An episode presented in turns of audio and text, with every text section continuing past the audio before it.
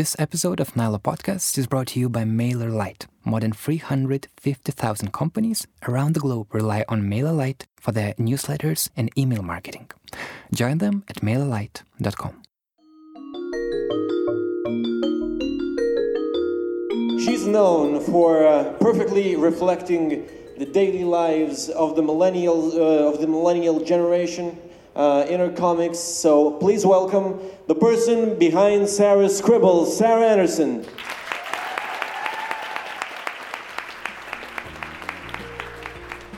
Yeah, it's a really unique art form because it's this combination of expressing an idea um, through a drawing and through really simple writing. And um, it's harder to do than people think. I think they see how simple it is and how fast it is, and they think it's um, it's really easy to do, but it's actually a really complex thought process. From the studio in Vilnius, this is Nyla Podcast, a place where we try to make sense of the modern world. I'm your host, Karolis Vyšniauskas from Nanook Multimedia Agency. Today I'll be talking with Sarah Anderson, one of the leading illustrators of our generation. Luckily for us, she's a podcast fan. Drawing is like a very mechanical part of your brain, and then the rest of your brain kind of gets bored. Your brain is like empty because you're just using your hands, and so I need something to like fill the space. And music is kind of like a different experience for me, so podcasting is perfect. Uh, what podcast do you listen to? Oh my god, there's I listen to so many, but I think my favorites right now are Reply All and a podcast called Criminal um, that I really love. Sarah Anderson is exhausted. We are meeting her in Vilnius at the very first Comic Con conference in Lithuania. She has never been here before, but she has a lot of fans. Yesterday, Sarah signed 600 copies of her comics. You may not recognize Sarah if you meet her in the street, but you definitely saw her work. This girl with the big eyes, dark hair, and a striped shirt, that's the character in a comic series called Sarah's Scribbles. In her drawings, Sarah perfectly captures what it means to be a young introvert in today's world. Her comics are so relatable that now 2 million people follow her on Facebook and on Instagram. At the age of 25, Sarah has already released two books Adulthood is a Myth in 2016, and the newest one, Big Mushy Happy Lump. Sarah works alone, without a manager. She still lives in a shared apartment with two roommates in Brooklyn we wanted to know how to achieve such level of success and how to not let it destroy your life. So here is Sarah Anderson, interviewed in Vilnius this December. When I read your book, and of course I first uh, saw your comics online, I guess that's how most of the people find out about your work. But when I, when you read the whole book, it seems that it's a perfect representation of what it means to be uh, in your 20s yeah. in this time in the world right now. I guess you, you really capture the whole essence of being a millennial. And I want to talk about that. Do you consider yourself as being a millennial? I think I do, um, but I think the word gets pinned on me really, really heavily. Like I get very much pigeonholed. People are really, really eager to brand me as a millennial cartoonist, and I think ultimately, I hope people just view me as a cartoonist that writes about life. I, I do feel very connected to a lot of millennial experiences, but I, I, feel like people almost view millennials as like this separate breed. And it's like we're, we're just a little bit more open about talking about some of the difficulties of life. I think we don't internalize or hold things in as much. But I guess you believe that there are differences between your parents' generation and, and how you see the world. What are those things? Because I think you capture them very well in your comics. So, what are those topics that you think are um, important to, let's call them millennials, because we don't have any other word? Um, well, I think millennials have a tendency to be more open about mental health, which I think is a good thing. Um, and about their emotions more, and they tend to be more willing to be self-deprecating. I think there's like sort of like a dark humor I see a lot with millennials that is very self-deprecating and maybe a little bit nihilistic even sometimes. The older generation is more used to being more stoic and reserved. Um, and I think their life challenges are very different from ours. But I think certain um, certain things like the job market and family and education were a little bit more stable, maybe for them.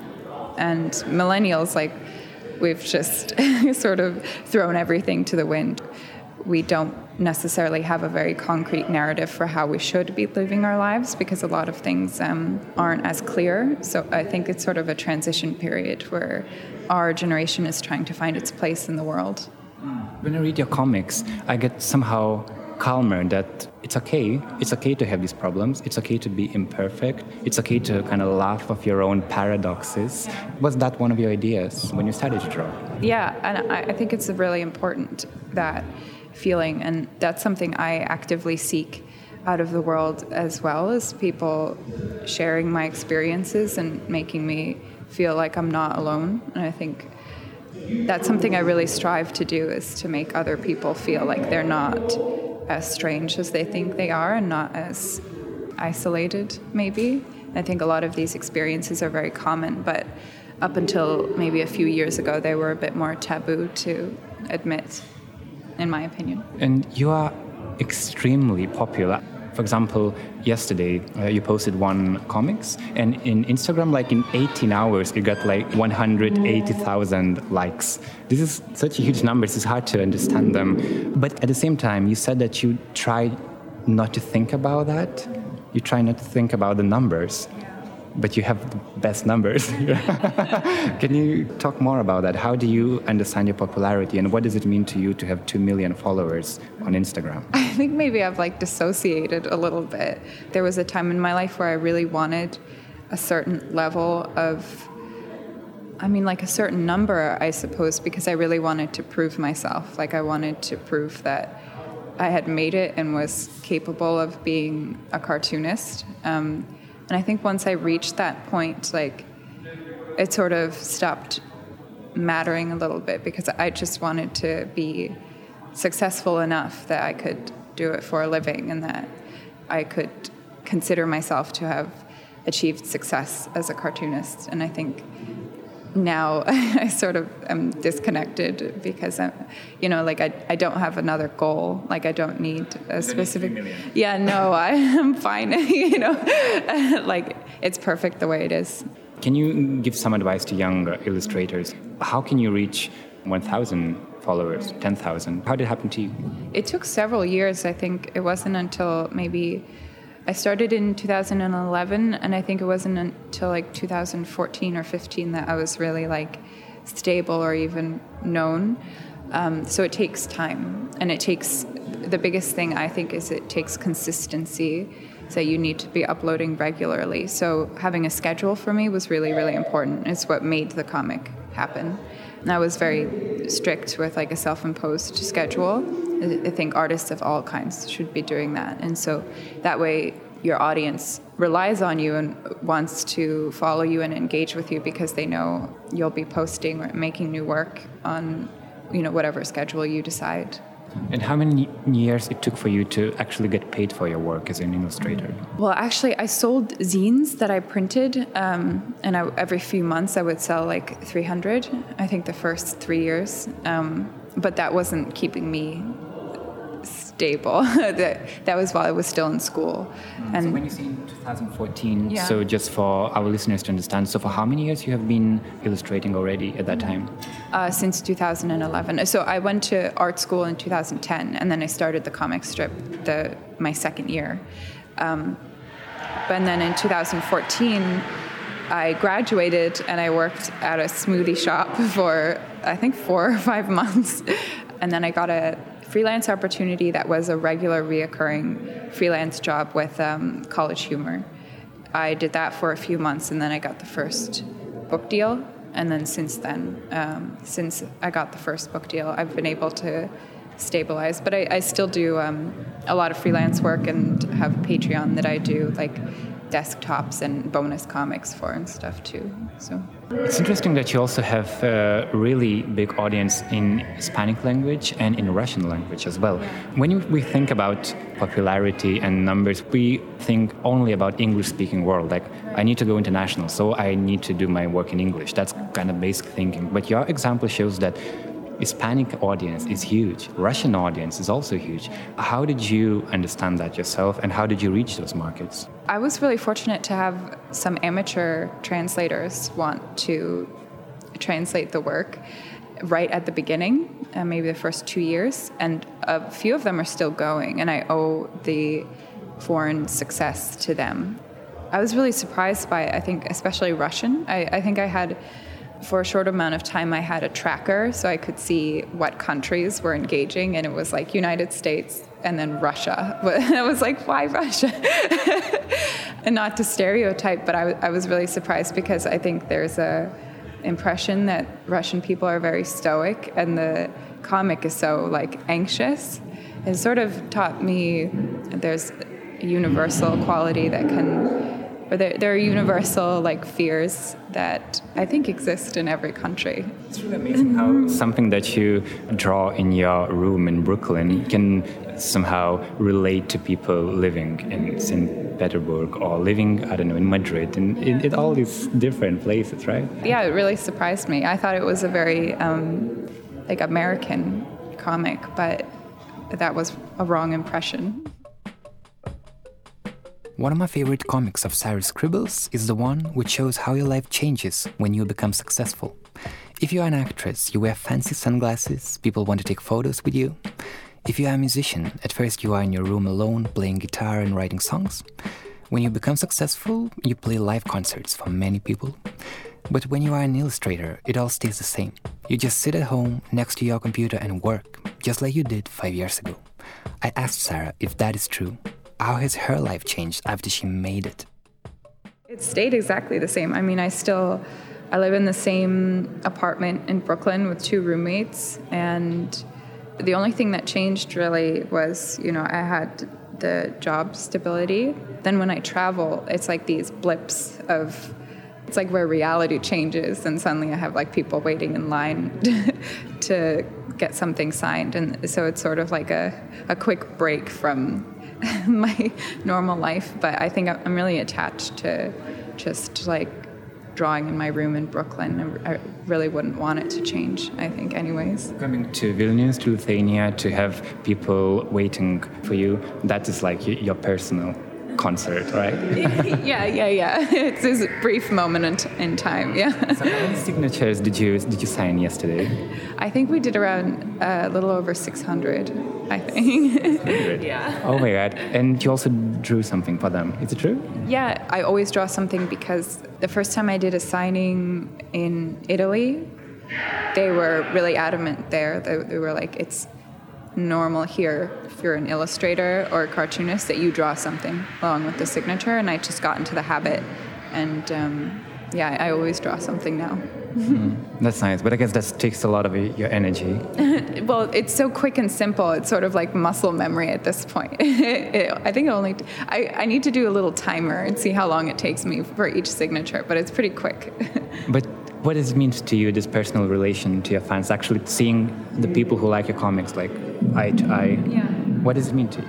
It means a lot. I think it's really surreal and surprising to actually see the people in person because a lot of times it just sort of feels like numbers on the internet. And so I think it's a humbling experience to meet people in person because I realize like you know this reader is someone that the work has actually reached and that means a lot to me and I guess people are nicer when they are seeing person you, you like in real life because internet has this dark side. And when I googled you, I, I found a lot of really terrible stuff related to you. Like someone just took your comics and made them into some kind of Holocaust denial thing, or some kind of associating refugees with rape and everything. And your comics, this innocent thing that you created, were turned into this horrible side of the world. How did you react to that? And is there something that you can do about that? Because you kind of cannot control what other people are doing. But that definitely affects you, I think. Mm. There's a lot to say about it. Um, you can't control it. I think that there's really nothing that I can do, unfortunately. I think certain websites are really good about taking down work that's like blatantly hate speech or anti Semitic, but some of the larger platforms don't do anything. And so it's been a problem for me as a cartoonist it's not like it hurts my feelings because it's they might think it's personal, but it's not. It it just disappoints me. I think to see people making stuff like this, just disappointing.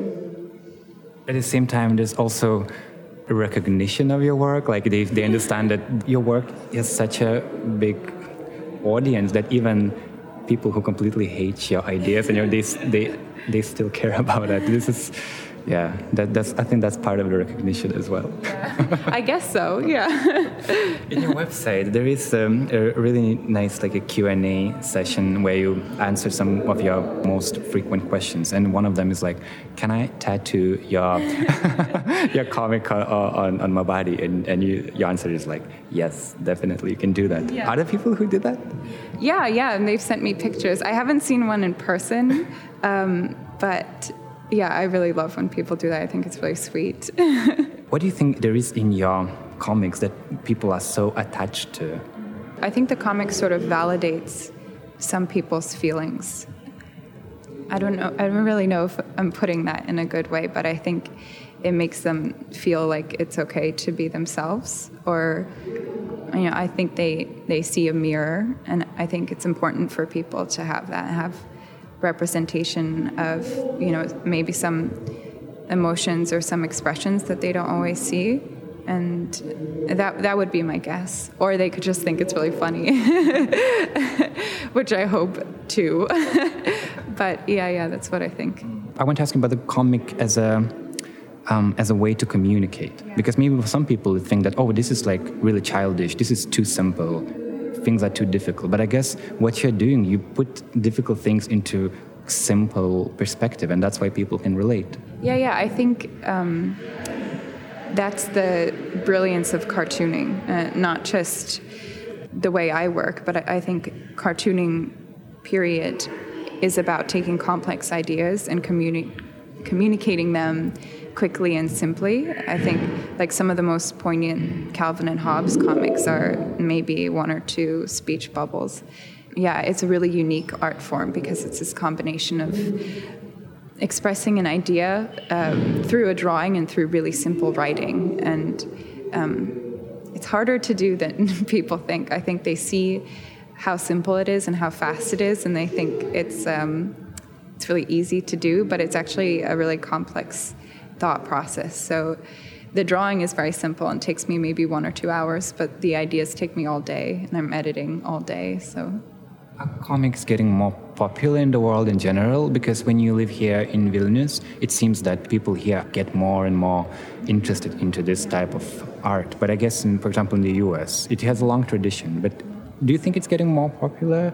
Yeah, I think the internet has really enabled comics of all kinds. So maybe before there were larger publishers that really controlled what was coming out. And I think with the internet, you really have a platform to post any kind of comic. And so the styles and subjects and the types of artists that are working are really diversifying.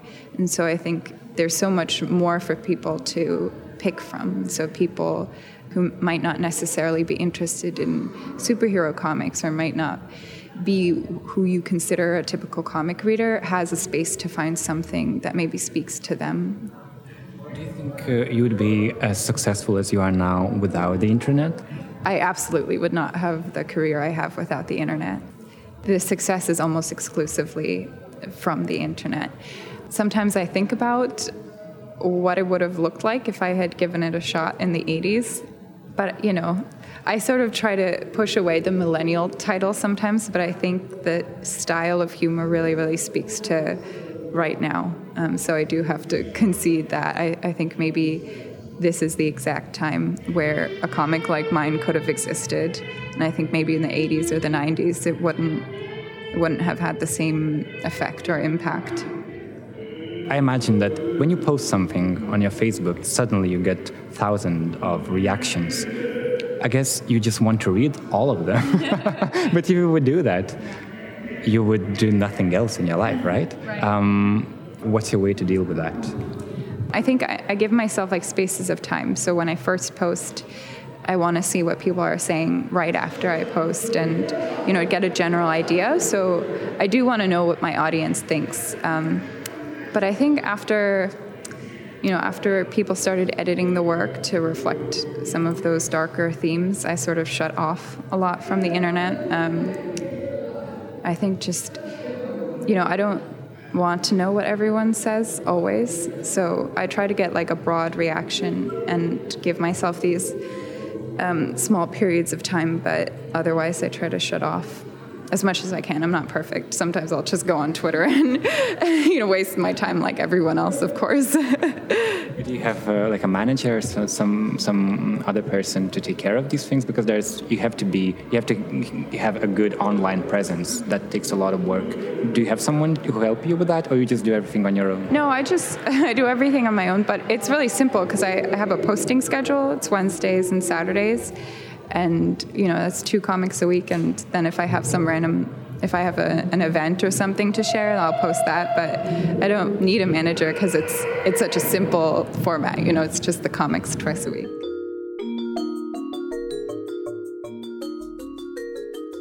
Just a reminder that this episode of Nyla Podcast is brought to you by Mailer MailerLite. More than 350,000 companies around the globe rely on Mailer MailerLite for their newsletters and email marketing.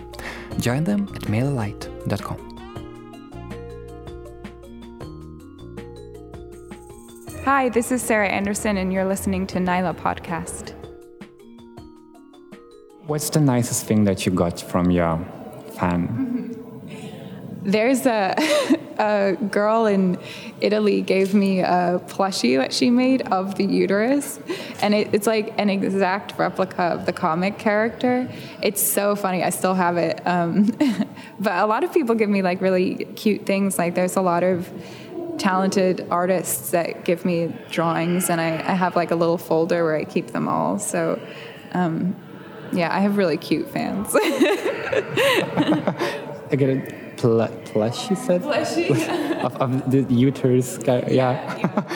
yeah. So just one more question about this whole. For example, you are not afraid to draw a thing like uterus in your in your comics, and you put it in a really natural way. And I think you kind of normalize talking about female cycle in your comics. How did you felt strong enough that okay, I can do that because this is a sensitive topic, right? Right. I've thought about this a lot because people sort of ask me a lot about like they think certain things were more revolutionary than they actually were. And I think I was raised with an attitude that I could do anything, and um, I was a little bit sheltered. So I really didn't view like a strong female perspective as anything that was like sorely needed in the world. Um, and it didn't really hit me until later that just talking about daily life as a woman might be like a um, unique perspective to some people. So when I drew the first uterus comic, I just kind of like threw it up on the internet and didn't really like think that it would be um, like anything risky, I guess. Um, and it wasn't risky because people liked it a lot. But I guess, um, yeah, I, I was naive enough at the beginning to not really think that these were things that I should be afraid of talking about, and that really served me well. Yeah. Be afraid talking about that, right? I agree. And in the comic world, when we think about all the industries where men are in control and a lot of times, like in, in, in, in music, in cinema, is it the same in comics? Because there are quite a lot of really successful female comic um, illustrators. Yeah, and this is sort of um, what I talked about is like the way the internet has enabled, um, because I suppose having people like Allie Brosh and Kate Beaton come a few years before me really gave me this impression that women were really active in the comics world, and they are more and more. Um, but it, it still is a little bit male dominated. I think a lot of people sort of pin me as like a female cartoonist instead of cartoonist. And, you know, I really appreciate that I speak for and to women, but my perspective was always that I was just writing about life. And the fact that the character was female was something people really attached to. So they were like, this is comics for women.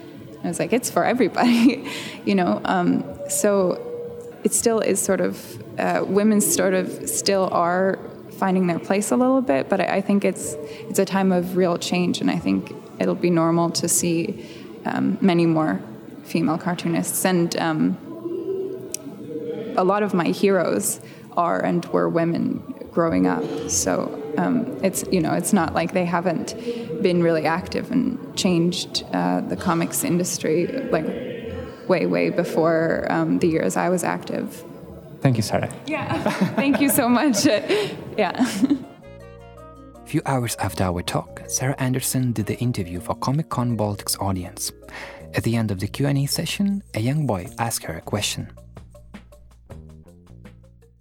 So I'd like to know how do you recommend to handle criticism and not your comic not getting popular and something like that and how do you get back up from that or if the criticism actually something that somebody says or something gets more popular than the actual comic that you made or the drawing or something like that or the actual artwork that you made Sure. Um, well, people on the internet are really cruel, and, they're like that to everybody. So I think um, as an artist, it's really important to recognize that what they're saying is not about you because they, they don't know you and they also don't know your potential. So they're critiquing what they see right in front of them. And, um, you know, it's, it's a separate thing from you. It's one piece. You know, it's not your, um, all of your potential and the way you can grow. So I think it's good to sort of separate uh, your own feelings a little bit and say, okay, well, they're just criticizing this one piece.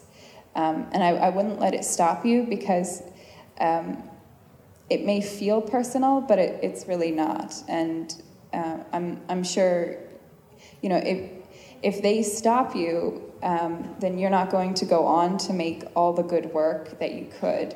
So I, I would say it's really important to not take it to heart and to always believe in your own ability to grow, which you will. Quick question When is the third book coming out? Because I need to plan my budget. I, thank you. Um, I think the date is March 28th. I'm not sure. Sometime in March. thank you. All right. So thank you, Sarah. Thank you very much. For coming.